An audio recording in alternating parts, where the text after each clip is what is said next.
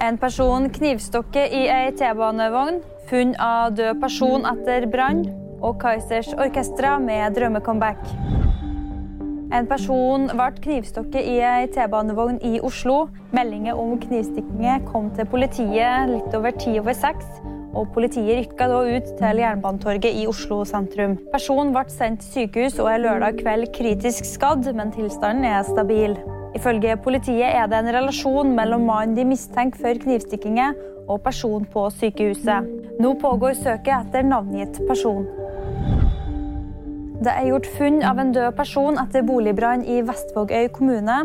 Den omkomne er en mann i 70-årene. Pårørende er varsla.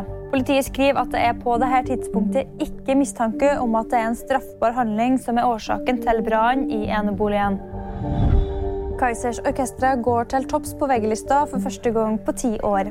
Denne uka, uke 48, toppa de VG-lista med vinylalbumet Greatest Hits, som ble sluppet for litt over ei uke siden. Det er en knapp måned siden Kaizers meldte sin gjenoppstandelse etter at bandet la opp for ti år siden. VG Nyheter fikk du av meg, Ane Mørk.